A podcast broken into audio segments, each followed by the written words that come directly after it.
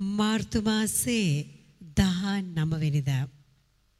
හැමදාමත් මේ දවස මේ ආකාරයට උදා වෙනකොට අද දවස සුවිශේෂ වෙනකොට එහෙනම් අපි සිල් දෙනාම නැගිටිමු ඒ සුවිශේෂ චරිතය සමරන්නට. ඔබ සිල් දෙනාවමත් වෙබ්සයිට් එක හරහා ඒ වගේම සෙත් එල්ෆම් නාලිකාව හරහා එකතු වෙන අපේ සහෝදර සහෝදරියන් සිල් දෙනාමත් එකතු කරගෙන අද දවසේදී ජුසේ තුමාගේ මංගල්‍ය සමරනවා. ජුසේ තුමා ගැන සුවිශේෂයේ සඳහන් වෙලා තියෙන්නේ හරිම සුළු ප්‍රමාණයක්.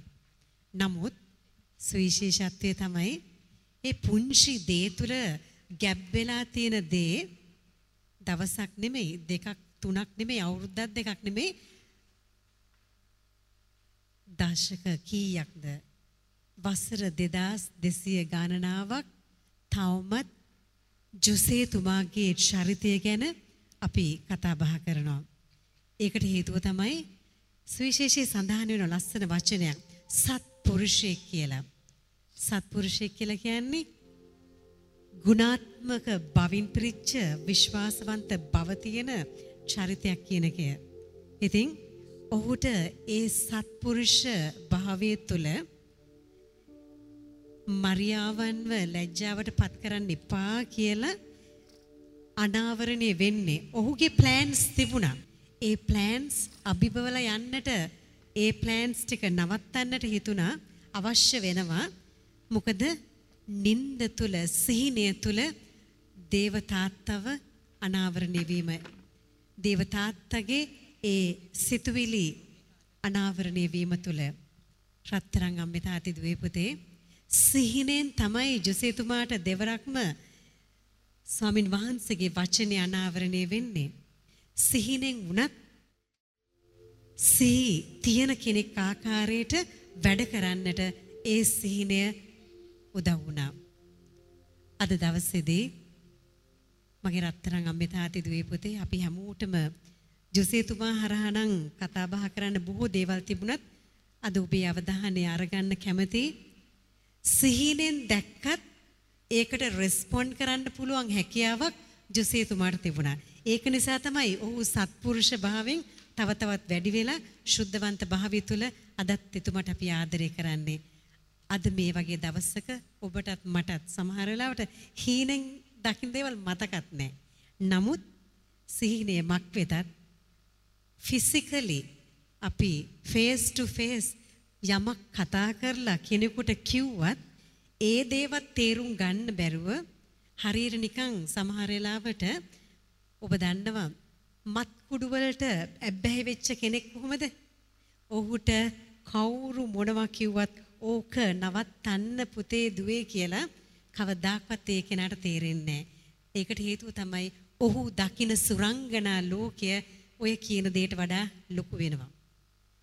ඉතින් ඕනම දෙයකට ඕනම දෙයකට ඇබ්බැහි වෙන කෙනෙක් ඉන්නවා නම් මගේ ලස්සන ලෝකයේ මගේ සුන්දරකම මගේ හදවත මෙන්න මෙතන තමයි තියෙන්නේ කියලා එතනදී කවුරුත් ඔළුව බිම තියාගෙන මොනවා කිව්වත් හැඟෙන්නේ මොකද ඒ ලෝකයේ තුල ඉන්නේ අපිට වරදින්නේ ගොඩක් වෙලාවට මනුෂ්‍ය අපිට වරදින්නේ ඔන්න ඔතනයි. ඉතින් ඒක නිසා ඔතනදී අවබෝධයක් ගන්න සිහියට එන්නේ සත්පුරුෂයන්ට විතරයි. සිහියට එන්න පුළුවන් සත්පුරුෂ භාවයක් තිබුණොත් විතරයි ඔබ තුලත් මා තුලත්. මටත් වරදින්න පුළුවන් ඔබටත් වරදින්න පුළුවන්.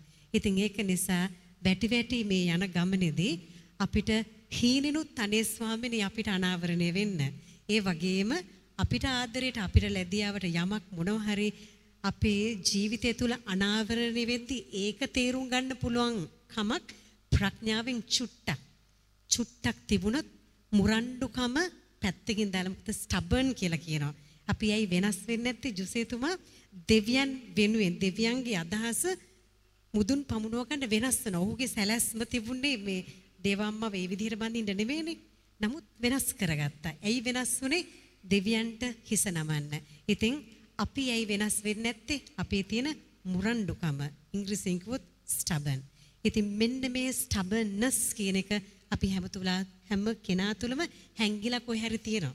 ඉතින් මෙන්න මේ දේ අවබෝධ වෙන්නේ මගේ මේ ස්ටබන්නස් නේද කියන එක එකට එකක් තකට තකක් කරන්නේ ඒ සත්පුරුෂ භාවයෙන් ඈත් වුනහම දෙවියන්ගේ ආලේපණයෙන් ඈත් වුනහම ඉතින් ඒක නිසා අපි මෙතෙන්ට ඇවිල්ලා වැඩක් නැහැ. එහෙමනම් ඒ පුංචි දේ අපේ ජීවිතය තුළ ජීවිත ගත කරගන්න අද දවසේදී ජුසේතුමාට කියමු. අනේ ජුසේතුමනි අපිට චුට්ටක් වෙනස් වෙන්න චුට්ටක් චුට්ටක් වෙනස් වෙන්න ඒ ස්ටබන්නස් ගතියෙන් මුරණ්ඩු භාවයෙන් පොඩ්ඩක් වෙනස් වෙන්න කියලා දෙන්න ජුසේතුමනි. එහෙනම් අපි සිල් දෙනාම දැන ගහලා ජුසේතුමාගේ ඒ පීතෘ භාවය දෙවියන්ගේ අනට කීකරු වෙච්ච ජෙසීතුමා ජේසුව බලාගත්තා. ඒ ජේසුතුමා අපිට අපේ ජීවිතයට අදත් අපේ ශක්තියයි බලයයි ජීවයයි සුවයයි එකම සහනයයි එකම සහනයයි. එහෙනම් ඒ ස්වාමින් වහන්සේට හිමි ගෞරවය පුද දෙමින් අපි ගායනා කරමු.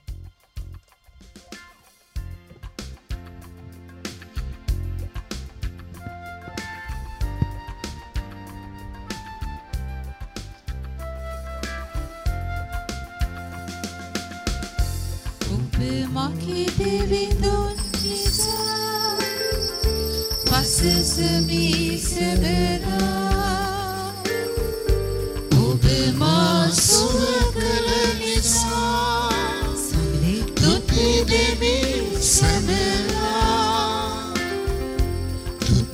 sezumnitika Obedekajek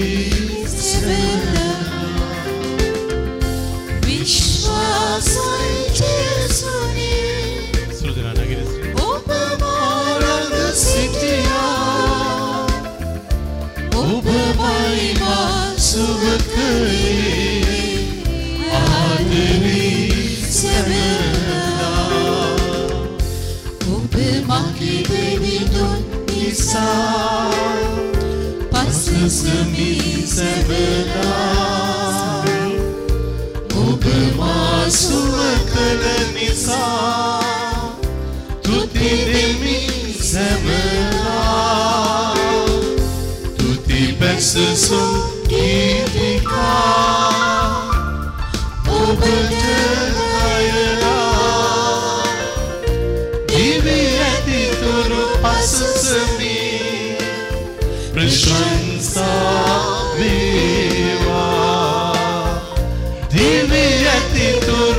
පසසමී ප්‍රශංසා වේවා. දිවි ඇති තුරු පසසමී ප්‍රශංසා වේවා. ආමීන් ආමේන් වඩිවන්න. දෙවියන් වහන්සේ මුළු විශ්වයම මවලා ඉවර වෙලා උන්වහන්සේට ඕන වුණා මේක බලාගන්න කෙනෙක්. උන්වහන්සේට ඕන වුණා ඒකේ වටිනාකම දන්න කෙනෙක්. උන්වහන්සේට ඕන වුණා කළමනාකරණය කරගෙන යන්න කෙනෙක්. ඒ නිසා උන්වහන්සේ මේ මුළු විශ්වයම මවලා ඉවර වෙලා සත්ව ලෝකය, මත්ස්‍ය ලෝකය මේ ඔක්කොම මවලා ඉවර වෙලා මේ මිනිස්සයා කියන ආදම් කියන කෙනාව මවන්න උන්වහන්සේ සැලසුම් කරා. එතකොට මේ ආදම් කියන කෙනාව මවලා ඉවර වෙලා ඔහුට කියනවා ඔබ පිරිමියෙක් කියලා. එතකොට මේ පිරිමියා කියන චරිතයක් ඉබේට හැදුනේ නැහැ. ස්වභාවිකව නේ පොදුවේ සිංහයෝ වේවා බල්ලෝ වේවා පූසෝ වේවා කියන විදියට මනුස්ස හැදුන්නේ නැහැ. පිරිමියාව ස්වාමින් වහන්සේට නේ අම්බන්න සිදු වුණා. එතකොට මේ පිරිමියෙක්ව හදලා පිරිමියෙක්ව අම්බලා පිරිමියාට ජීවන හුස්ම දීලා ඉවර වෙලා ඔහුව පනගත්ව ගත්තා. ඒ නිසා පිරිමියා හරි ස්ට්‍රෝං හරිම ශක්තිමත් එයාගේ ශාරීරික ශක්තිය වැඩි. එතන මේ ශාරීරිකව ශක්තිමත් කෙනෙක්ව හැදුවේ දැන් අපි අරගෙන බැලුවොත් ඇත්තයි කාන්තාවුත් බොඩි බිල්ඩින් කරලා මසල් සදනවා. හැබැයි පිරිමි කෙනෙක් බොඩි බිල්ඩින් කරලා මසල් සදපු ගවම ඔහුගේ ඒ මාංශ පේශීන් ඉලිප්පිලා එන විදිය හරිම වෙනස්. එක ප්‍රබලව එලියට එනවා. නේ සික්ස් පැක්ට් එක නස්සන්ට එක හැදිලා එනවා ගාන්ට. එතකොට දැන් මේ පිරිමි කෙනාගේ ශක්ති ප්‍රමාණය වැඩි කෙරෙව්වා ධාරණ ශක්තිය වැඩි කෙරෙව්වා. හැබැයි පැවැත්ම එතන නෙමෙයි කියලා ස්වාමීන් වහන්සේ දකිනවා. ඒ නිසා තමයි ඒව කියන කෙනෙක්වත් ඒ පිරිමියාගේ ඉල ඇටයෙන් අරගෙන හදාගත්තේ. එතුට ඒවව හැදුවේ වෙනම තැනකින් නෙමෙයි. ඒවව හැදුවේ පිරිමියා තුළ ඉන්න කෙනෙක් වශයෙන්. එනිසා තමයි පිරිමියෙකුට පුදුම විදියට කාන්තාවක් කෙරෙහි ඇදිලා යනවා. එක ස්වභාවයෙන් ඇදිලා යනවා. පිරිමියගෙන් ඇහුවොත් ඇයියනේ අර ගෑනු කෙනාව බැලුවේ කියලා උත්තර නෑ. හැබැයි හැරලා බලලා ඕනකමකින් බලලා පිරිමි කෙනා. එතකොට මේ දන්නේම නැතුව මේ පිරිමි කෙනාගේ ස්වභාවය ඇතුලේ තියෙනවා තමාගේම කොටසක්. කාන්තාව කියන්නේ තමාගෙන් පිට කෙනෙක් නෙමෙයි පිරිමි කෙනෙකුට. තමාගේම කොටසක් වශයෙන් තමයි පිරිමි කෙනාට හැම වෙලාවෙම දැනෙන්නේ. ඒ නිසා තමයි පිරිමි කෙනාට හැම වෙලාවෙම ආකර්ෂණයක් ඇති වෙනවා මේ කාන්තාව ගැන. කොහේ හිටියත් හොයලා යන්න ඕනේ, බලන්න යන්න ඕනේ. දැන් ඔය චූටි කාලේ යාළු වෙනකොට බලන්න කොළු පැටව කෙලි පැටවුන්ව කෙල්ලව බලන්න යනවනේ. මේ බයිස්කලයක් අරගෙන පොඩි රවුමක් ගහලා මේ යාම්තන් දැක්කත් ඇති. බල්ලා ගියාම ඇති. මේ කතා කරන්න බැරි වුණත් කමක් නැහැ. දැක්ක කියන එක තුල ලොකුත් සතුටක් තියෙනවා. ඒ කියන්නේ මේ මගේ කෙනාව මට දකින්න ලැබුණා. මගේ කෙනත් එක්ක මට කතා කරන්න ලැබුණා. මගේ කෙනාගේ ජීවිතයට මට බද්ධ වෙන්න ලැබුණයි කියන හැඟීමක් මේ පිරිමි කෙනා ගාව තියෙනවා. මේක හරිම වාසනා ගුණයක්. පිරිමින්ට නේ ඒක නැති වෙලා ගියොත් කාර්ය නේ කාන්තාව ඕන තරම් හිටියත් කවදාක්වත් නේ ආකර්ෂණයක් ඇති වෙන එකක් නැහැ. ඒ නිසා දෙවියන් වහන්සේ නේ මේ පිරිමි කෙනාට කාන්තාව කෙරෙහි ආකර්ෂණයක් ඇති කරවලා මේ කාන්තාව කියන කෙනාගේ ජීවිතයට වටිනාකමක් දෙන්නට පිරිමි කෙනාව පත් කරගත්තා. එනිසා ඔබ ඉන්ඩිවිජුවල් කැරක්ටර්ස් කැරක්ටරයක් වශයෙන් කාන්තාවක් හිටියත් ඒ කාන්තාවට පිරිමි කෙනෙක් සම්බන්ධයි නම් නේ ඒ කාන්තාවට වටිනාකමක් හම්බ වෙනවා. ඒ නිසා තමයි දුවලට කියන්නේ කලට වෙලාවට බැඳ ගන්න ඕනේ පුතේ. කලට වෙලාවට ඔයා බැඳ ගන්නට ඕනේ. ඔයාට මෙහෙම තනියම ගිය- යන්න බෑ මේ ගමන. ඔයා බඳින්න ඕනේ. දෙමව්පියන් හැම වෙලාවෙම කියන දේ තමයි ඔයා බඳින්නට ඕනේ. ඔයා බඳින්නකෝ කියලා. එතකොට මේ තමාගේ ජීවිතයට ලැබෙන සහකරුවාව මේ මොහොතේදී දායාදයක් වශයෙන් තමයි හම්බ වෙන්නේ. ඒ නිසා පිරිමි කෙනා කියන්නේ කාන්තාවට දායාදයක්. ඒක ලොකු නේ අභිමානයක්. පිරිමි කෙනෙක් ඉන්නවයි කියන එක අභිමානයක්. නේ. ඒ නිසායි දරුවෝ කියන්නේ ඉස්කෝලේදී කියනවා කතන්දරය මොනවද කියන්නේ? තාත්තට කියනවා "ඔයා බැන්නොත් කාරේ මට ගැහුවොත් කාරේ මං ගිහලා මගේ තාත්තට කියනවා. ඒ කියන්නේ මේ තාත්තා කියන චරිතය පිරිමියා කියන චරිතය වීර චරිතයක් වශයෙන් තමයි හැම වෙලාවෙම දකින්නේ. ඒක මේ නෝන්ජල් සුකුමල සුන්දර මනහර චරිත නෙමෙයි. හරි ටෆ්. හරි රෞද්‍රයි මේ චරිතය. එතකොට මේ මේ චරිතය කෙරෙහි යම්කිසි ආකාරයෙන් වටිනාකමක් තියෙනවයි කියලා දැනෙන්නේ කාන්තාවට තමයි. ඒ නිසා පිරිමි කෙනෙකුට කාන්තාව වටිනාකමක් දුන්නේ නැත්නම් පිරිමි කෙනා කාන්තාවට වටිනාකමක් දුන්නේ නැත්නම් මේ දෙගොල්ලොම එක එක්කෙනාට වටිනාකම් දුන්නේ නැත්නම් එතන ලොකු ගැප් එකක් ඇති වෙනවා. ලොකු හිස් තැනක් ඇති වෙනවා. ඔබ ඔබේ ගෙදර ඉන්න මහත්යත් එක්ක දවස් 10ක් කතා කරන්න නැතුව ඉඳලා බලන්න. ඔබේ ගෙදර ඉන්න භාර්යාවත් එක්ක දවස් 10ක් කතා කරන්නේ නැහැ. ගේ ඇතුලේ ඉන්නව කතා කරන්නේ නැහැ. එතකොට ඔබට තේරේවි අර ඉස්සර තිබිච්ච අර ඇතුලාන්ත ශාන්තිය චුට්ට චුට්ට චුට්ට චුට්ට අයින් වෙලා අයින් වෙලා යනවා. ඉගෙන පිරිමි කෙනත් එක්ක කතා කරන්නට ඕනේ. කාන්තාවත් එක්ක කතා කරන්නට ඕනේ. එතකොට කාන්තාවත් එක්ක කතා කරපුවාම පිරිමි කෙනාට එනර්ජි එකක් හම්බ වෙනවා. ශක්තියක් හම්බ වෙනවා. නේ එතකොට ඒ වගේම පිරිමි කෙනෙක් කාන්තාවට කතා කරපුවාම ඒ කාන්තාවට රැකවරණයක් හම්බ වෙනවා. මම තනි නැහැ කියලා හිතෙනවා. ඉනිස තමයි මේ සමහර වෙලාවට මාගාවට ඇවිල්ලා කියනවා මේ විවාහ වෙන්න ඕනේ කියලා කාන්තාවන්. මං අහලා තියෙනවා දැන් වයස කීයද කියලා. එතකොට මට කියලා තියෙනවා නේ දැන් 57යි වයස. ඉතින් 57යි මට බඳින්න කෙනෙක් වුණේ ෆාදර්. ඉතින් මං ඇහුවා මේ 57 බඳින්නේ නෑ ෆාදර් මට මේ මේ ශාරීරිකව එකතු වෙලා මේ ලිංගික සුවයක් ලබන්න නෙමෙයි මට කියලා කෙනෙක් ඉන්නවා. මාත් එක්ක එකට ජීවත් වෙන්න පුළුවන් කෙනෙක් ඉන්නවා.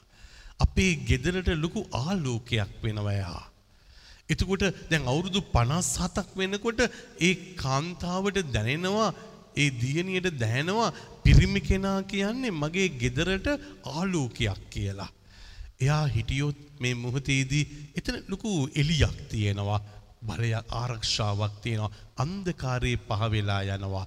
ඒ නිසානේ සාමාන්‍යයෙන් කියන්නේ පිරිමියෙක් නැති ගෙයක්නේ පිරිමියෙක් හිටියානම් අපි ඔය විදුලි කොටනකොට බය වෙන්නේ නෑ අනේ පිරිමියෙක් හිටියානම් අපේ ගෙදර නේ මම අපි කවදාකවත් බය වෙන්නේ නැහැ ලයිට් ගියාම. දැන් කරන්ට් එක නේ විසන්ධි වෙනකොට නේ විදුලි කොටනකොට සමහර වෙලාවට නේ පිරිමියෙක් ගෙදර නැතිකොට ලොකු බයක් චකිතයක් ඇති වෙනවා. එතකොට හදිස්සිය සද්ද බද්ද ඇහෙනවා. ඊට පස්සේ කියනවා සද්දයක් ඇහෙනවනේ. පිරිමි කෙනෙක් ගෙදර හිටියානම් මොනවද කියන්නේ? පිරිමි කෙනාට කියනවා අනේ සද්දයක් ඇහෙනවා වගේනේ චුට්ටක් ගිහලා බලලා එන්නකෝ. සද්දයක් ඇහුනම කාන්තාව නෙමේ යන්නේ. සද්දයක් ඇහුනම පිරිමි කෙනා තමයි යන්නේ බලන්න. මීයෙක් හිටියත් නේ හූනෙක් හිටියත් කරපොත්තෙක් හිටියත් සමහරට කෑ ගහලා කියනවා නේ එන්නකෝ එන්නකෝ කොස්සක් අරගෙන එන්න ලීයක් අරගෙන එන්න නේ කරපොත්තෙක් ඉන්නවා හැම වෙලාවෙම හදවතින්ම දැනෙනවා මේ පිරිමියාට මාව ආරක්ෂා කරන්න පුළුවන් ශක්තියක් තියෙනවයි කියලා.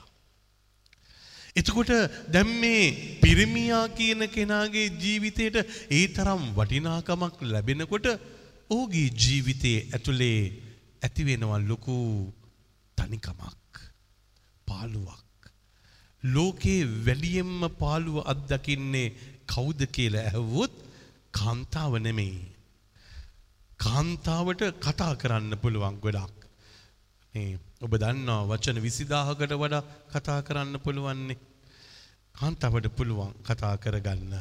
ඒ නිසා කාන්තාව නේ අඩුම ගානේ කෝල් එකක් දීලා හරි කාට හරි කතා කරනවා. ඒ නිසා මේ අරගෙන බැලුවොත් කමියුනිකේෂන් එකේදී වැඩියෙන්ම කතා කරලා තියෙන්නේ කවුද කියලා ඇහුවොත් කාන්තාව තමයි කතා කරලා තියෙන්නේ. පිරිමික අයගේ කමියුනිකේෂන් හරිම අඩුයි. ෆෝන් එක කතා කර කර ඉන්න ගාම තියෙනවා පිරිමි. කන්වර්සේෂන් එක ඉවර නෑ. කියලා ඉවරත් නෑ. හැබැයි ෆෝන් එක තියලා ඉවරයි. එතකොට ආයෙත් කාන්තාව කෝල් කරලා අහවි ඇයි අනේ තිබ්බේ? ඇයි තිබ්බේ? තාම කතා කරලා ඉවර නෑනේ. ඇයි තිබ්බේ?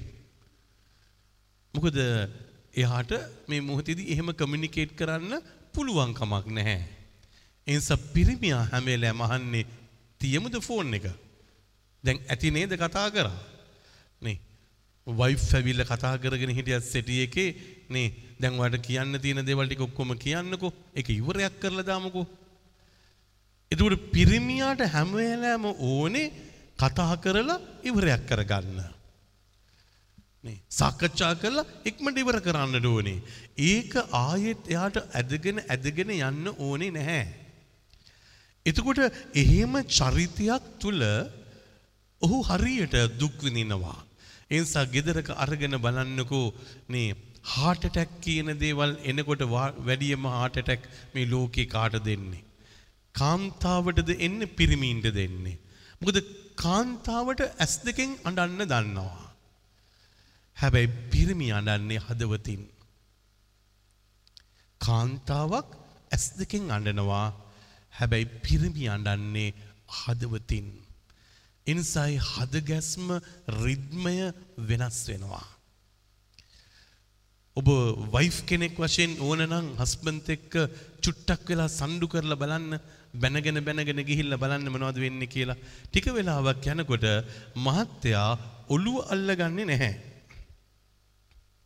මහත්තයා අල්ලගන්නේ පපුවයි. පපුව ටිකක් රිදෙනවා වගේ. නේ. ඒ කියන්නේ එතනට දැනෙනවා. දුවගේ ප්‍රශ්නේදී පුතාගේ ප්‍රශ්නේදී නේ දැනෙනවා. කොහෙටද දැනෙන්නේ කියලා ඇහුවොත් පපුවටයි දැනෙන්නේ. ඒ නිසා තමයි ලබ්ඩබ් ලබ්ඩබ් ලබ්ඩබ් මේක රිද්මය වෙනස් වෙනවා.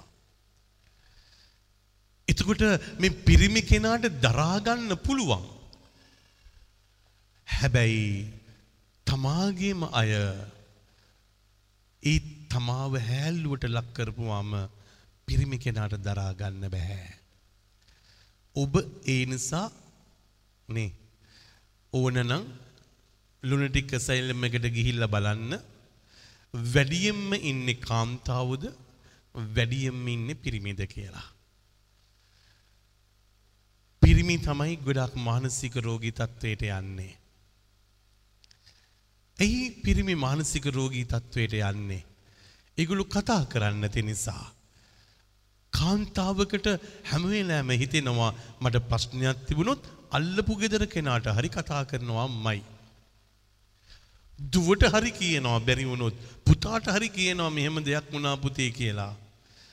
හැබැයි තාත්තා කියන්නේ නැහැ. බලාගත් අතේ බලාගෙන ඉන්නවා. ඒ නිසා කවුරු හරි ඇවිල්ලා ඇහුවොත් ඇයි මොකද? නෑ මුකුත් නෑ. මුකුත් නෑ. ඒගොල්ලෝ දන්න ලස්සනම උත්තරේ තමයි මුකුත් නෑ. කොහොමද දැන් හොඳයි? ඒ නිසා තාත්තගේ බෙහෙත් ටික ගන්න ප්‍රමාණය හරිම අඩුයි. තාත්තට බලෙන් තමයි බෙහෙත් දෙන්නේ. තාත්තලා බෙහෙත් තරම් බොන ප්‍රමාණය හරිම අඩු නිසා හැම වෙලාවෙම වයිෆ් තමයි මතක් කරන්නේ බෙහෙත් ටික ගත්තද බොන්නකෝ බෙහෙත් ටික බෙහෙත් ටික බීලා ඉන්න මොකද ඔහුට මේ මොහොතේදී තමාව ආරක්ෂා කරගන්නට ඕනේ තමාට බෙහෙත් ටික ගන්න ඕනේ කියන එක නෙමේ හිතෙන්නේ. හැම වෙලෑම ඔළුව ඇතුලේ ප්‍රශ්න ගොඩක්. කාන්තාවටත් ප්‍රශ්න තියෙනවා. හැබැයි පිරිමියාගේ ප්‍රශ්න ඊට වඩා වෙනස්. පිරිමියාගේ ප්‍රශ්නවලට උත්තර හොයන්නට ඕනේ. ඒක තර්ක විතර්ක කරලා හොයන්නේ. ඒ නිසා උත්තර හම්බ වෙන්නේ නැහැ. අද උත්තරේ පිරිමියට හම්බ වෙන්නේ නැහැ. හෙට උත්තරේ හම්බ වෙන්නේ නැහැ. අනිද්දට හම්බ වෙන්නේ නැහැ. දීර්ඝ කාලයක් යනවා පිරිමියට උත්තරයක් හම්බ වෙන්න. කාන්තාවකට මානසික චිත්ත පීඩනයක් ආවොත් එයාව ගොඩ දාන්න වැඩි වෙලාවක් යන්නේ නැහැ.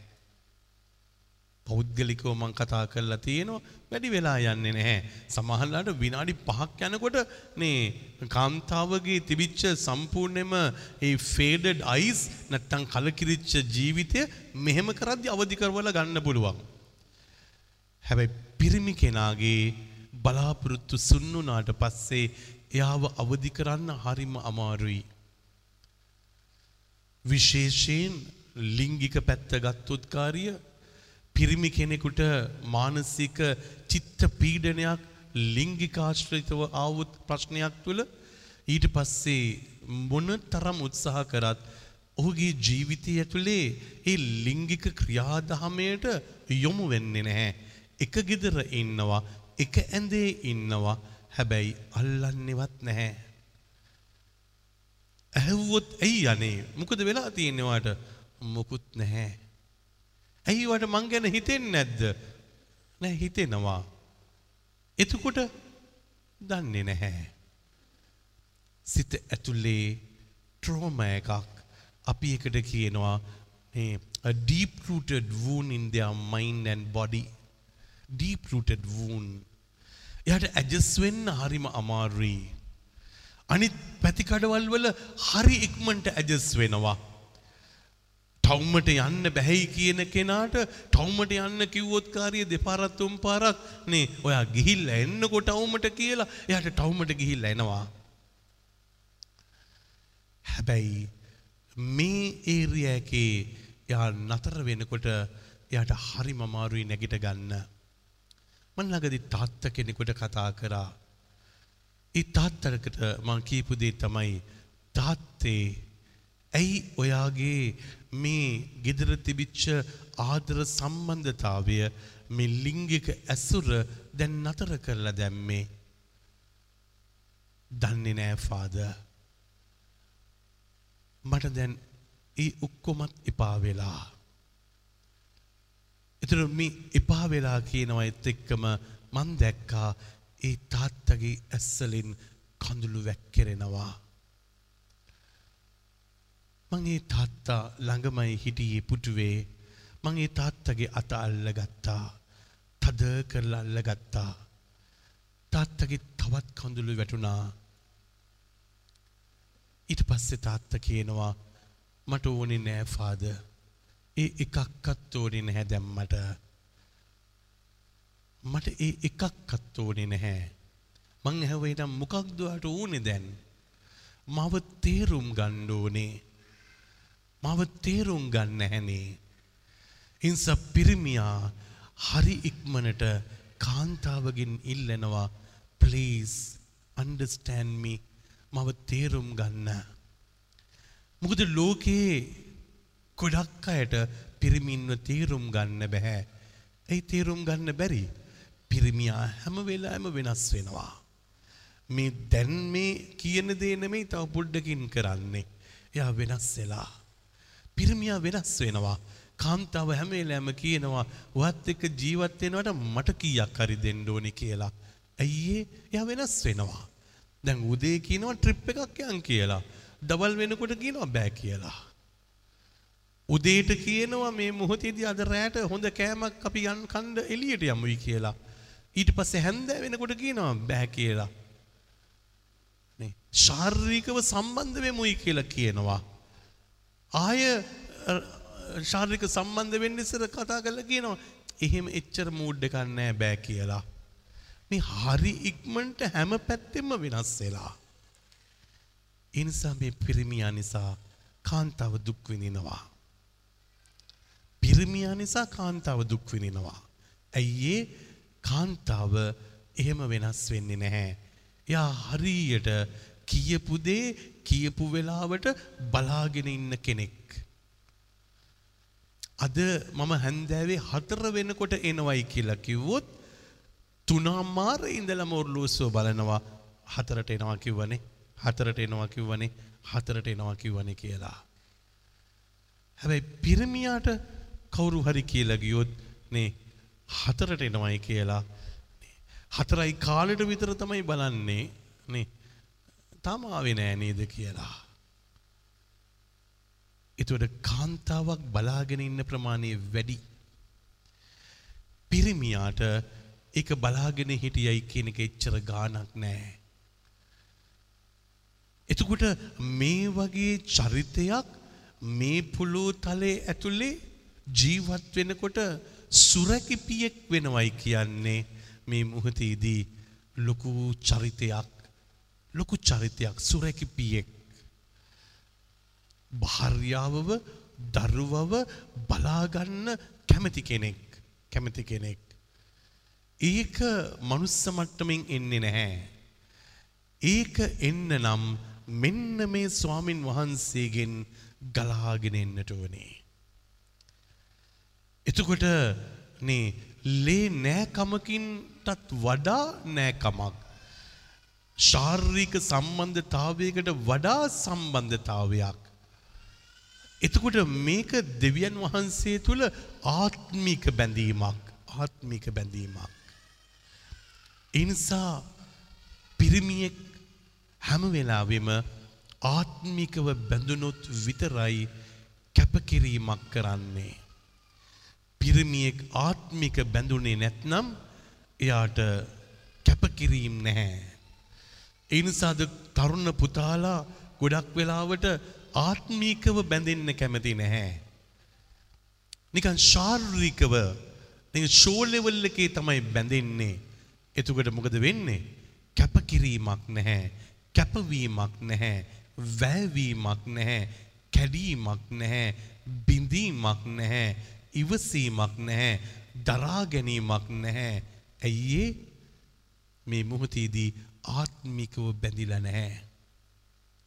කවදහරි පිරිමියෙක් කාන්තාවකට අම්ම කෙනෙකුට නේ දුවෙකුට පුතෙකුට භාර්යාවකට ආත්මිකව බැඳුනොත් එයාගේ මුළු ජීවිතයම ඒ ලෝකය ගොඩනගන එක.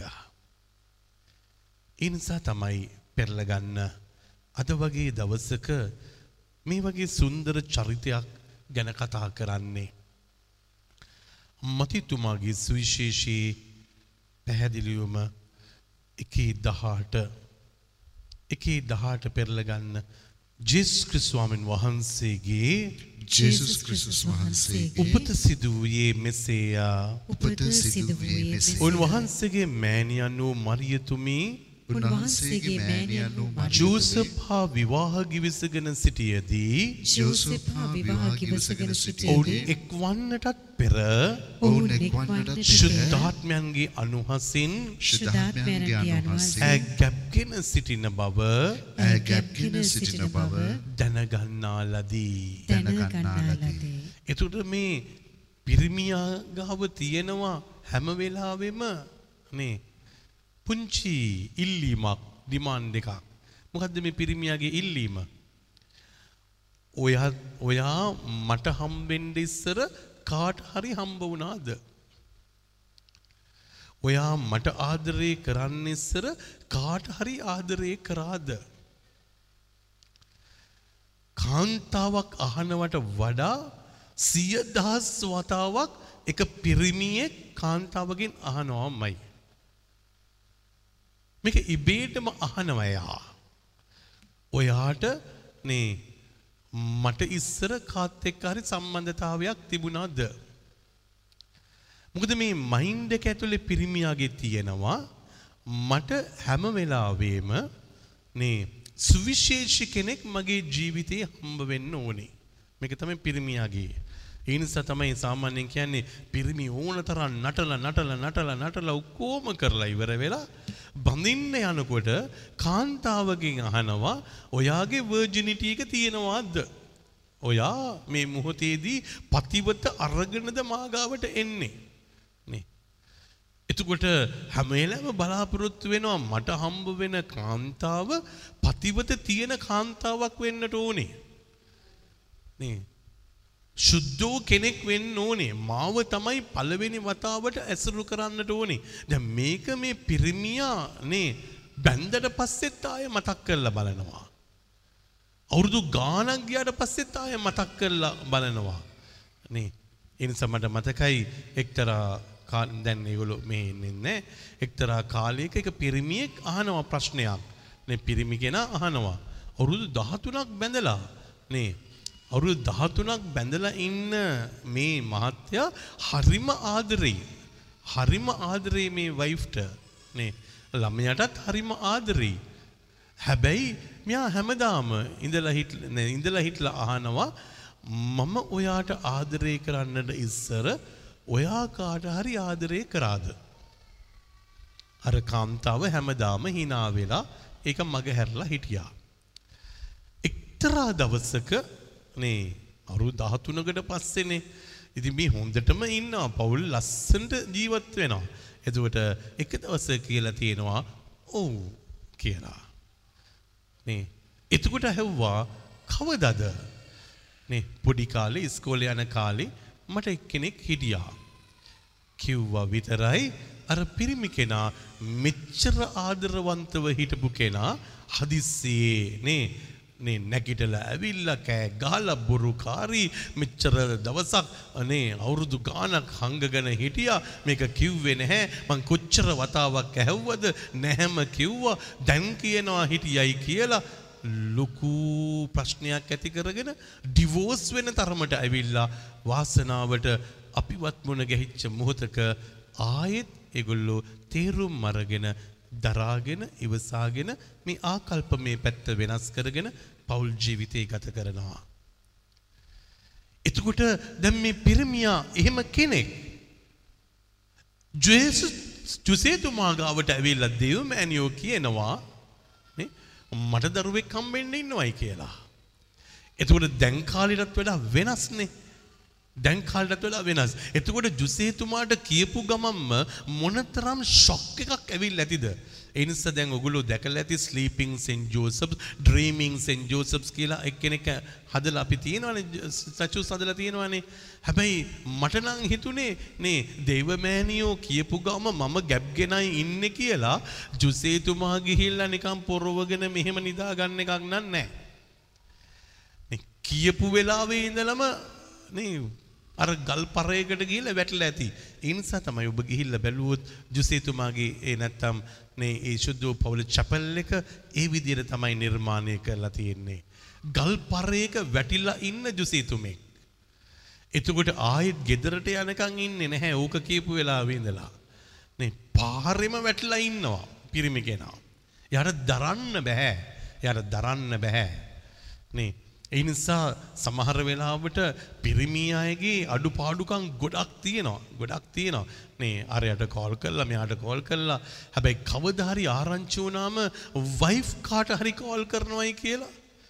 වයිෆ් චැට් කරන්න පටන් අරගෙන කියලා. නේ වයිෆ්ට රිලේෂන්ෂිප් එකක් තියෙනවයි කියලා.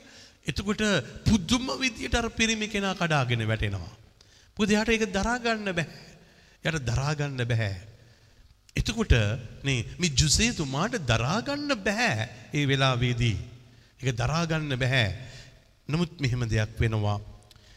ඇගේ ස්වාමි පුරුෂයා ඇගේ ස්වාමි පුරුෂයා වන ජෝසප් වන ජෝසප් සත්පුරුෂයෙකු බැවින් සත්පුරුෂයෙකු ඇය ප්‍රසිද්ධියේ නින්දාවට නොපමුණ අදහසින් ඇය ප්‍රසිද්ධියේ රහසින් අත්තර දමන්නට රහසින් අත්හැර දමන්නට සිතාගත්තේයා. සිතාගත්තේය. එතකොට දැන් මේ ජුසේතුමාට මේ දේවමෑණියන්ත් එක්ක මොන වගේ රිලේෂන්ෂිප් එකක්ද තිබිලා තියෙන්නේ?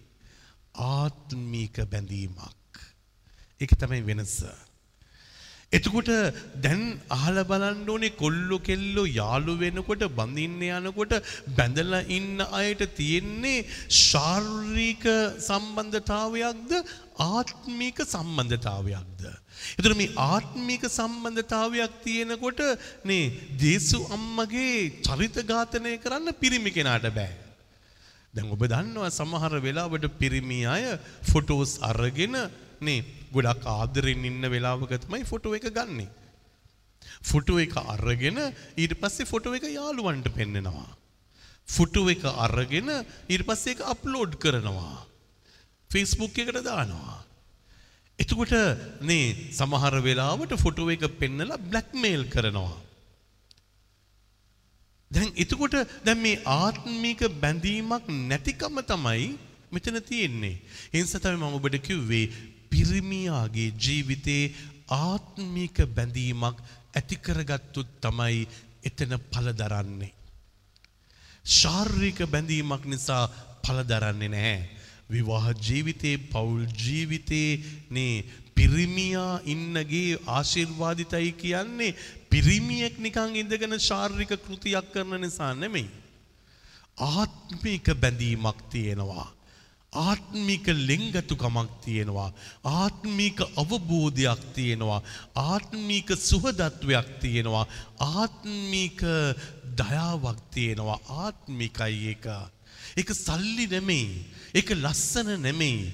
ඒක වටිනාකම කියන දේ තියෙන්නේ මේ මොහොතේදී හදවත ඇතුලෙන් එන ස්වාමීන් වහන්සේගේ දෙවියන් වහන්සේගේ තල්ලුවක්.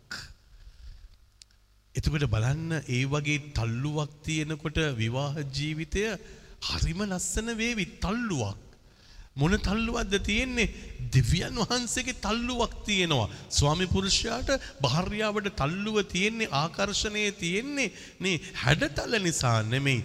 දෙවියන් වහන්සේ විසින් මවලා දෙවියන් වහන්සේ විසින් දීලා දෙවියන් වහන්සේ විසින් ජීවත් කරවගෙන යනවා ඒගොල්ලන්ව. එතකොට තමයි ඔගොල්ලෝ කියන්නේ බලන්නකෝ වයසට ගියත් මේ ජෝඩුව මොනතරම් ආදරවන්තයිද ඒගොල්ලන්ගේ ජීවිතේ නේ ඉගෙන ගන්න ගොඩක් දේවල් තියෙනවානේ. ඒ ජෝඩුව දිහා බලාගෙන ඉන්නකොට හරියට ආසාවක් ඇති වෙනවා. මොනතරම් ගෞරවයක් ඇති වෙනවද? ඒ ස්වාමි පුරුෂයා භාර්යාව බලා ගන්න විදිය, ඒ භාර්යාව ස්වාමි පුරුෂයාව බලා ගන්න විදිය. දැන් මේක තමයි බැඳීම. ඒ නිසා මේ ජුසේතුමාගේ ජීවිතයේ ඇතුලේ නේ ඔහුට පැවරුණු කාර්යය කියලා එකක් නෙමෙයි තියෙන්නේ. ඔහුට ස්වාමින් වහන්සේ කියනවා මේ මොහොතේදී මේ විදියට එහෙත් ඔහු එහෙත් ඔහු මේ කාරණය ගැන කල්පනා කරමින් සිටියදී මේ කාරණය ගැන කල්පනා ස්වාමින් වහන්සේගේ දූතයෙක් ස්වාමීන් වහන්සේගේ සිහිනයකින් ඔහුට දර්ශනය වී සිහිනයකින් ඔහුට දර්ශනය දාවිද්ගේ පුත් දාවිද්ගේ පුත් ඔබේ ජෝසප් බිරිඳ වන මරියා ඔබගේ බිරිඳ වන පාවා ගන්නට බිය නොවන්න. පාවා ගන්නට බිය නොවන්න. ඇ ගැප්ගෙන ඇත්තේ ඇය ගැප්ගෙන ඇත්තේ ශුද්ධාත්මයණන්ගේ අනුහසිනී. ශුද්ධාත්මයන්ගේ අනුහසිනේ. එතකොට මේ පිරිමියාට කාත් එක්කද මේ රිලේෂන්ෂිප් එක තිබුණේ. සාමාන්‍යයෙන් අද පිරිමි එක්ක පල්ලියට ගෙන්න ගන්න අමාරුයි. යාඥාවට ගෙන්න ගන්න අමාරුයි. කාන්තාව තමයි යාඥා කරන්නේ පල්ලි ගාන යන්නේ නොවාන කරන්නේ ගොඩක් වෙලාවට. හැබැයි පිරිමියා යන්න පටන් ගත්තොත් පල්ලියට පිරිමියා යාඥා කරන කෙනෙක් බවට පත් වුනොත් පිරිමියා දෙවියන් වහන්සේගේ නේ වදනට ඇහුම්කන් දෙන කෙනෙක් බවට පත් වුනොත් පිරිමියාට දේව හඬ ඇහෙන්න පටන් ගත්තොත් එතනදී ඒ පවුල ඇතුලේ සස්ත්‍රීකත්වය සාරවත් බව බලගතු භාවය ඔක්කොම ඇති වෙනවා. ඒ නිසා තමයි ඇත්තටම කාන්තාවට වඩා පිරිමි යන්න ඕනේ පල්ලියට. මොනව නිසාද කියලා ඇහුවොත් කාර්ය ඔවුන්ට ස්වාමින් වහන්සේ යථාර්ථය පැහැදිලි කරලා දෙනවා. සැඟවුණු රහසක් මේ ලෝකේ කවුරුත් දැනගෙන හිටියේ නැහැ. ජේසු අම්මගේ ගර්භාෂයේ ඇතුලේ දරුවෙක් ඉන්නවයි කියන එක විතරයි දන්නේ. මේ මොහොතේ ජේසු අම්මත්. හැබැයි ජුසේතුමාට කියනවා ශුද්ධාත්මයන් වහන්සේගේ අනුහසින් ඔබේ භාර්යාව වෙන්න හිටපු භාර්යාව දැන් ගැප්ගෙනයි ඉන්නේ. ඒ නිසා ලස්සන පණිවිඩයක් දෙනවා. ඈ පුතිකු බිහි කරන්නීය උන්වහන්සේට ජේසුස් යන නාමය තැබිය යුතුය. බලන්න මේ පිරිමියාට තමයි දුන්නේ. පිරිමියාට කියනවා මේ මොහොතේදී ඉපදෙන දරුවට ජේසුස් කියන නම තියන්න. නම තියන්න. දැන් ඔබේ පවුලේ දරුවෝ ඉපදෙනකොට අම්මද නම් හොයන්නේ තාත්තද. ගොඩක් වෙලාවට අම්ම තමයි ලිස්ට් එක අරගෙන එන්නේ. අර ලිස්ට් එක දාමු අරග දාමු මේක දාමුයි කියලා. හැබැයි දෙවියන් වහන්සේ පිරිමි කෙනාට අනාවරණය කරනවා නේ දැමිය යුතු නම මොකක්ද කියලා. ඒක ස්වර්ගයෙන් එන්නේ. ඒක ස්වර්ගයෙන් එන්නේ. නේ ඒ නිසා නේ ඔබේ ගේ ඇතුල්ලේ මොනවා හරි ප්‍රශ්නයක් ආවට පස්සේ කරදරයක් ආවට පස්සේ තේරුම් ගන්න බැරි දෙයක් ආවට පස්සේ ඔබ මුළු ලෝකේ වටේටම ගියත් ඔබට උත්තරය පරක් වෙයි. හැබැයි ඔබ ඔබගේ ස්වාමි පුරුෂයා ගාවට ගිහිල්ලා ඇව්වොත් සුදු මට කියන්නකෝ මට මේ වගේ ප්‍රශ්නයක් තියෙනවා. මේකට මොන වගේ දෙවියන්ගේ උත්තරයක් මට ලැබෙයිද? හැබැයි දෙවියන් ගාව ඉන්න ජේසුගේ පාමුල ඉන්න පිරිමියෙක් නම් ජේසුගේ පාමුල ඉන්න ස්වාමි පුරුෂයෙක් නම් ජේසුගේ පාමුල ඉන්න තරුණ පුතෙක් නම් එයාගේ ජීවිතයෙන් හෙළිදරව් වෙන්නේ ඔහුගේ පණිවිඩය නෙමෙයි. ස්වාමින් වහන්සේගේ පණිවිඩය ගලාගෙන එන්න පටන් ගන්නවා. ඒ නිසා තමයි පිරිමි ප්‍රශ්න විසඳද්දී යාඥා කරලා විසඳන්න. ඔබ දෙවියන් වහන්සේගෙන් අහලා විසඳන්න.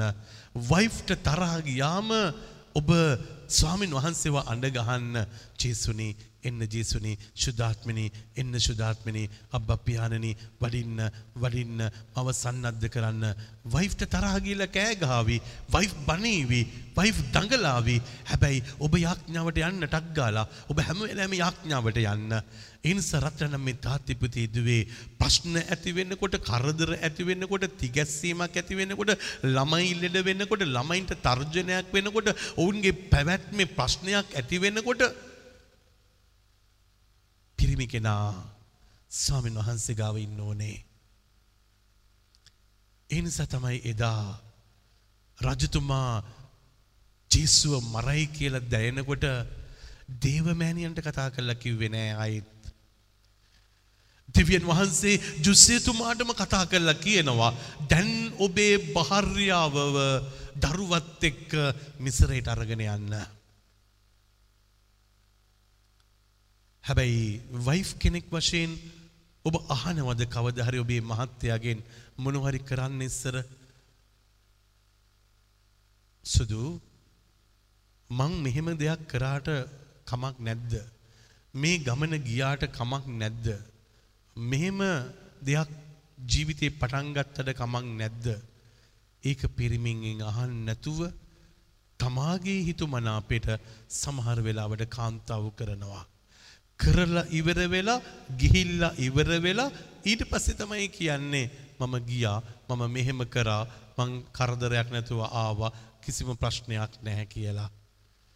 හැබැයි පිරිමියා ගාව තමයි ස්වාමින් වහන්සේ ස්ථාපිත කරලා තියෙන්නේ ඔබ යා යුතු දැන යා යුතු දිනය එන්න ඕන වෙලාව මේ ඔක්කොම පිරිමියා දන්නවා. හැබැයි පිරිමියා දන්නේ දෙවියන් වහන්සේ තුල හිටියොත් විතරයි. දෙවියන් වහන්සේ තුල ඉන්නතුව නිකං කාන්තාවට කොච්චර නීති රීති දානවද? කොච්චර බනිනවද නීති රීති දාලා? හැබැයි ඒක දෙවියන් වහන්සේගෙන් අහලා කියපු එකක් නෙමෙයි. දෙවියන් වහන්සේ යන්න කිව්වා එන්න කිව්වා කරන්න කිව්වා ගොඩනගන්න කිව්වා මේ එකක්වත් එහෙම නැහැ. ජුසේතුමා දෙව මෑණියන්ත් එක්ක ගණදෙනු කරේ ස්වාමින් වහන්සේත් එක්ක ගණදෙනු කරලා. එතකොට අහල බලන්න ඔබගේ පවුල් ජීවිතයේ ඇතුළේ මේ ගණදෙනුව තියෙන්නේ දෙවියන්ත එක්ක ඇතිකරගත්ත ගණදෙනුවේ ප්‍රතිඵලයේද. ඒක අහල බලන්නකෝ. ඔබේ භාර්යාවත් එක්ක ස්වාමිපුරුෂත් එක්ක දරුවන්ත එක්ක අම්මතාත්තත් එක්ක තියෙන ගණදනුව තියෙන්නේ මේ ක්‍රිස්තුස් වහන්සේත් එක්ක දෙවියන් වහන්සේත් එක්ක ශුද්ධාත්මයන් වහන්සේත් එක්ක ඇතිකරගත්ත සම්බන්ධතාවේ අනාවරණයේ ප්‍රතිඵලයක්ද. ඒ ප්‍රතිඵලයේ ඇති වුණදාට ඔබ හිතන පතන දේවල් ඔක්කොම ආශිර්වාදිතයි. ඒ නිසා තමයි ජේසු අවුරුදු දොළහේදී පණිවරුන්ත් එක්ක කතා කර කර ඉන්නකොට සාකච්ඡා කරනකොට ඉන්නකොට ජේසු අම්මයි ජුසේතුමයි දෙන්නම යනවා. දෙවමෑනියෝ කියනවා ඇයි පුතේ අපිට එහෙම කරේ යං ගෙදර හැබැයි ජුසේතුමා නිහඬ චරිතයක්. ජුසේතුමා නිහඬ චරිතයක්. ඔබේ ගෙදරත් එහෙමයි. අම්ම කලබලයි. හැබැයි මහත්යට ගානක් නෑ වගේනේ. එතකොට තමයි වයිෆ්ට තරහ යන්නේ. නේ. මම ළමයාට මෙහෙම කිව්වා මෙහෙම කිව්වා. ඔයාට ගානක්වත් නෑනේ ළමයා ගැන මොනවද ඔයාට තියෙන කැක්කුම දැන්? ඔයාට ගානක් නෑ ගානක් තියෙනවා. හැබැයි ඒක පෙන්වන්නේ නෑ කැක්කුමක් තියෙනවා. හැබැයි ඒක පෙන්වන්නේ නැහැ. කියන්න ගොඩක් දේවල් තියෙනවා. හැබැයි කියන්නේ නැහැ. නිහඬ වෙලා බලාගෙන ඉන්නවා. ඒ නිසා තමයි තාත්තේ පිරිමි දරුවනේ ඔබ නිහඬ වෙලා ඔහේ බලාගෙන හිටියයි කියලා ප්‍රතිඵල නැහැ. නිහඬ වෙනකොට ස්වාමින් වහන්සේත් එක්ක බද්ධවීමක් ඇති කරගන්න. ස්වාමින් වහන්සේත් එක්ක සම්බන්ධතාවයක් ඇති කරගන්න. එදාට ඒ පිරිමියා කතා කරන හැම වදනක්ම දෙවියන් වහන්සේගේ අනාවරණයක් වේවී. අහල බලන්න එහෙනම් ඔබේ ගෙදර මහත්තයා කතා කරනකොට ඒක අනාවරණයක්ද. ඔබේ ස්වාමි පුරුෂයා කතා කරන එක අනාවරණයක්ද. ඔබේ තාත්තා කතා කරන එක අනාවරණයක්ද. ගොඩක් ළමයි පුරුදු වෙලා ඉන්නේ අම්මට කියලා අම්මගෙන් අහගෙන තමයි යන්නේ. තාත්තට කතා කරලා නෙමේ යන්නේ. තාත්තගෙන් අහන්නේ නැහැ. අම්ම තමයි තාත්තට කියන්නේ. මේ දුව මෙහෙම කිව්වා කියන්න කියලා. පුතා මෙහෙම කිව්වා කියන්න කියලා. පුතාට මේ දවස්වල ඔෆිස් එකේ ප්‍රශ්නයක්ලු. හැබැයි තාත්තට කතා කරලා බලන්න. දෙවියන් තුල ඉන්න තාත්තට කතා කරලා බලන්න.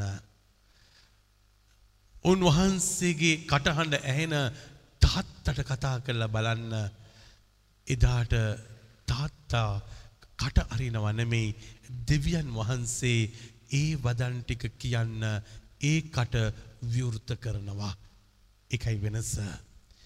ඒ නිසා තාත්තලා හැම වෙලාවෙම කතා කරන්නේ නැහැ.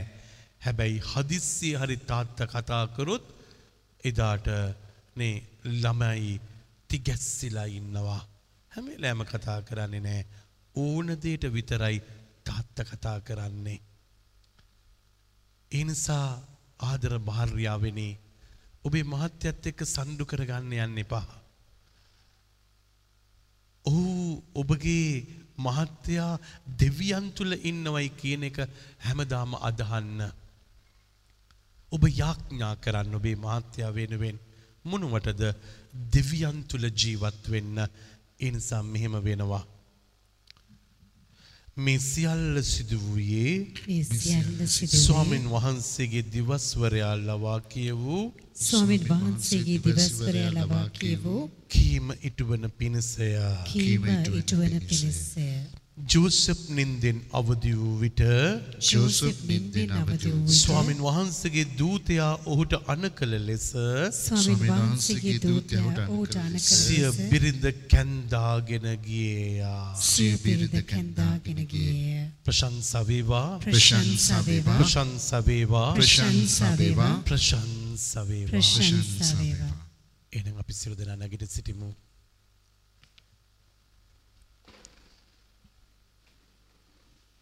තාත්තලා ඔබගේ ස්වාමි පුරුෂයා ජීවිතේ ආත්මික බැඳීමක් ඇති කරගන්න කැමති වේවි. ඔබ කැමතිද ඔබේ මහත්යත් එක්ක ආත්මික බැඳීමක් ඇති කරගන්න. ශාරීරික බැඳීම ඉබේටම ඒවී. සමාජීය බැඳීම ඉබේටම ඒවී. ලෞකික බැඳීම ඉබේටම ඒවී. ඔබ ආත්මිකව බැඳුනුදාට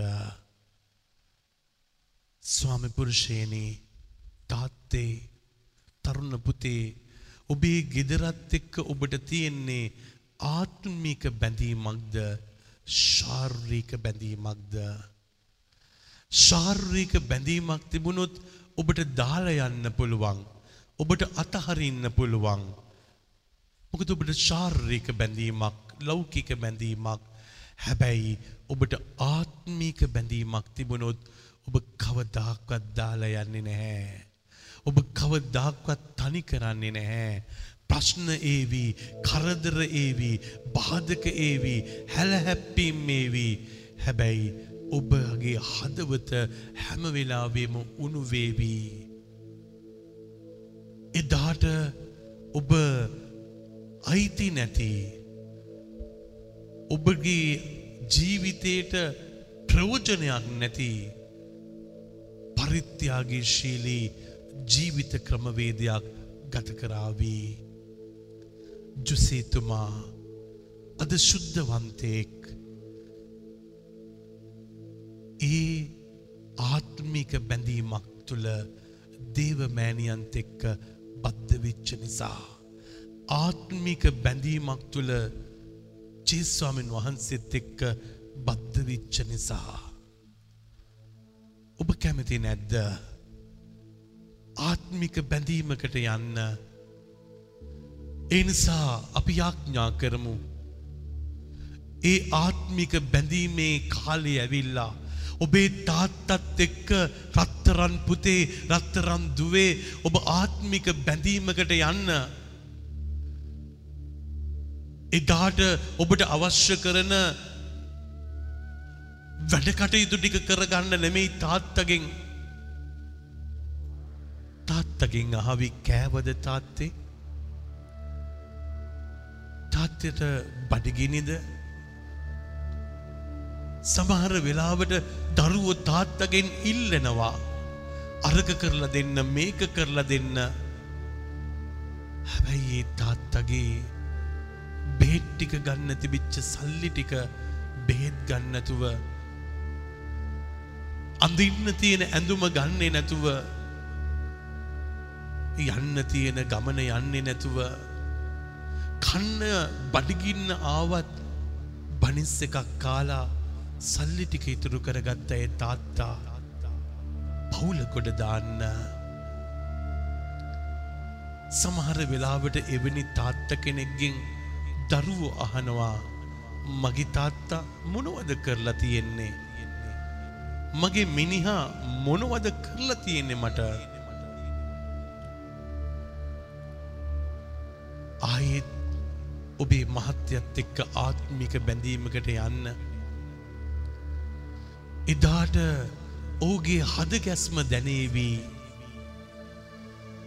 සමහර වෙලාවට ඒ මහත්තයාගේ ස්වාමි පුරුෂයාගේ තාත්තගේ හදවත පැලෙන්න තරම් දුකයි. ඔහු තනිවිච්ච චරිතයක් නිසා. ඒ නිසා ඔබගේ ස්වාමි පුරුෂයාව ඔබ තනි කරන්න එපා. ඔබේ තාත්තව තනි කරන්න එපා. හැම මොහොතකදීම ඔහුගේ ජීවිතයට ඔබ ගොඩක් ආදරවන්ත කෙනෙක් වශයෙන් ඉන්න. එදාට එයා ලව්වල වැඩ කරගන්නව නෙමේ. එයා ලව්වල සල්ලි හම්බ කරගන්නව නෙමේ. එයාගේ ජීවිතයට ආදරය පූජා කරනවා. ඔබේ ආදරය පූජා කරනකොට ඔබේ කාලය පූජා කරනකොට ඔබේ සෙනෙහස පූජා කරනකොට අර අප්‍රාණික විච්ච මලානික විච්ච ඇද වැටලා ඉන්න කලකිරිලා ඉන්න අත්හැරිලා ඉන්න අසරණ වෙලා ඉන්න ඒ ස්වාමි පුරුෂයාගේ ජීවිතයේ පණ ගැන්වෙනවා ඒ තාත්තගේ ජීවිතයේ පණ ගැන්වෙනවා ජුසේතුමාට නමස්කාර කරන්නත් අපිට හරිම ලේසි. අද ජුසේතුමාගේ මංගල්ලය කියලා සමරන්න හරිම ලේසි. ඔබගේ මහත්තයට ඔබ හාදුවක් දීලා කිව්වද ගොඩාක් ස්තුතියි සුදු මහත්තයෝ ඔයා මාව බලාගත්තා. අපි මල් කළඹක් අරගෙන අද ජුසේතුමාගේ පල්ලිවලට ගිහිල්ලා ඒ මල් ටික ඒ සුරුවමටත් දාලාවා. හැබැයි ඔබේ මහත්තයාගේ බෙල්ලට දාන්න ඔබ ගාව මල් ටිකක් තිබුණද? අද ඔබ කිව්වද ගොඩාක් ස්තුතියි. මාව අම්ම කෙනෙක් කරපු නිසා ගොඩාක් ස්තුතියි. අපිට කණ්ඩ දුන්න නිසා ගොඩාක් ස්තුතියි. අපිව ජීවත් කරපු නිසා සමහර වෙලාවට ඒක අමතක වෙලා ගිහිල් ඇති. හැබැයි අද ඔබේ තාත්තා පිකටින් කරන්නේ නැහැ. ඔබගේ ස්වාමි පුරුෂයා බෝඩ් එකක් අරගෙන එලියට බහින්නේ නැහැ.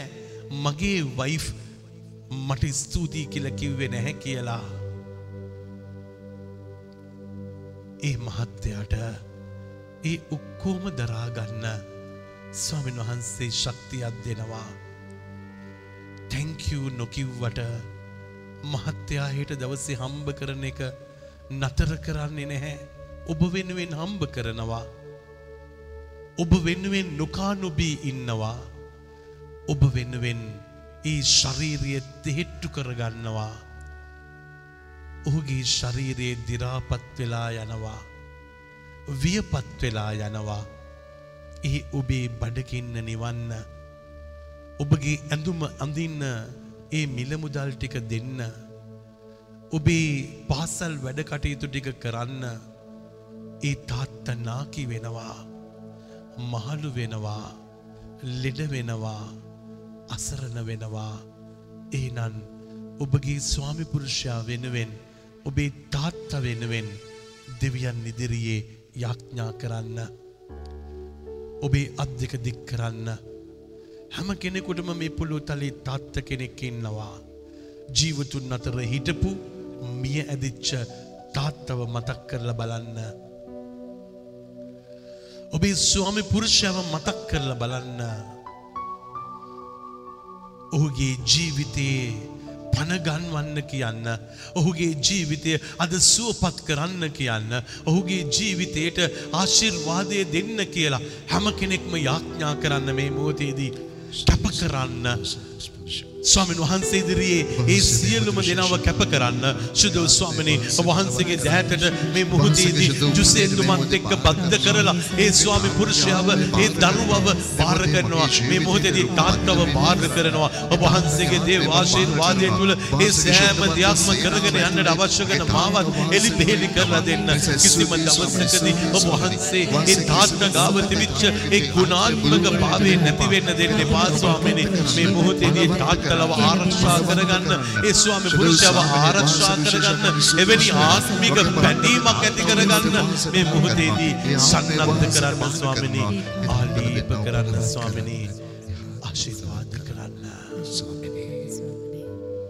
එහෙනම් ඒ තාත්තලා ඒ ස්වාමි පුරුෂවරු අද දවසේදී ප්‍රබල චරිතයක් වෙන්නට වනේ තාත්තේ ඔබ වටිනා කෙනෙක්. ස්වාමි පුරුෂවරුණි ඔබ ගොඩක් වටිනා කෙනෙක්. ජේසු ඔබ ගැන සන්තුවසයි. ජුසේතුමා ඔබ ගැන සන්තුවසයි. ඒනම් දැනගහමු.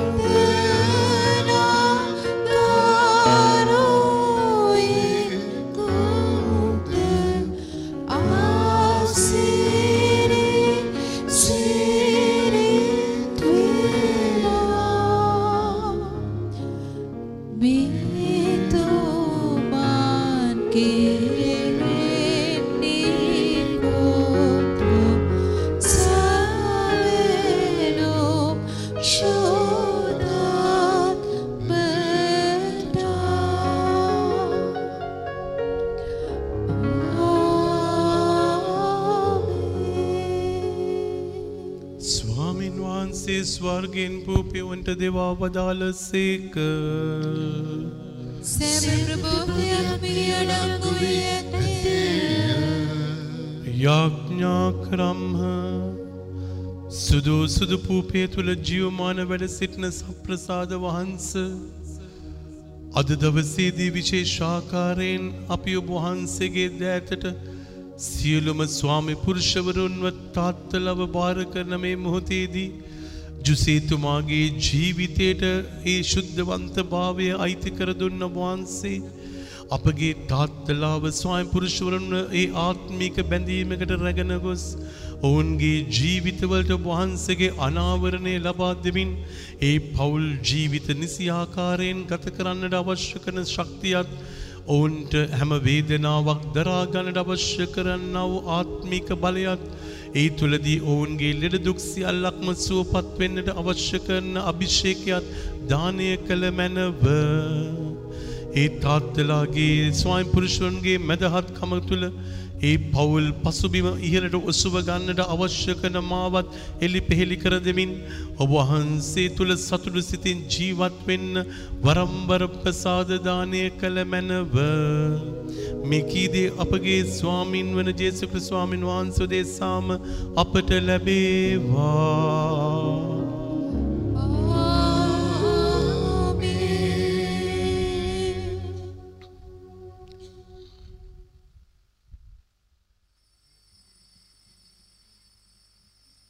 ශුද්ධ වූ ජෝසේතුමන්ගේ මැදහත්කාරකම තුළ අපේ ජීවිතයට ලස්සන පවුල් ජීවිතයට ලස්සන හැඩක් රුවක් මවපු ස්වාමින් වහන්සේට හිමි ගෞරවය මෙසේ පුද දෙමු. සාන්ත කුරුසියරයාලමේ අපේ සතුරන්ගෙන් අපරවා දේවා. අපගේ දෙවි ස්වාමිනේ පිතාගේ පුත්‍රයාගේ ස්පීතු සාන්තුගේ නාමයෙන් ආමේන්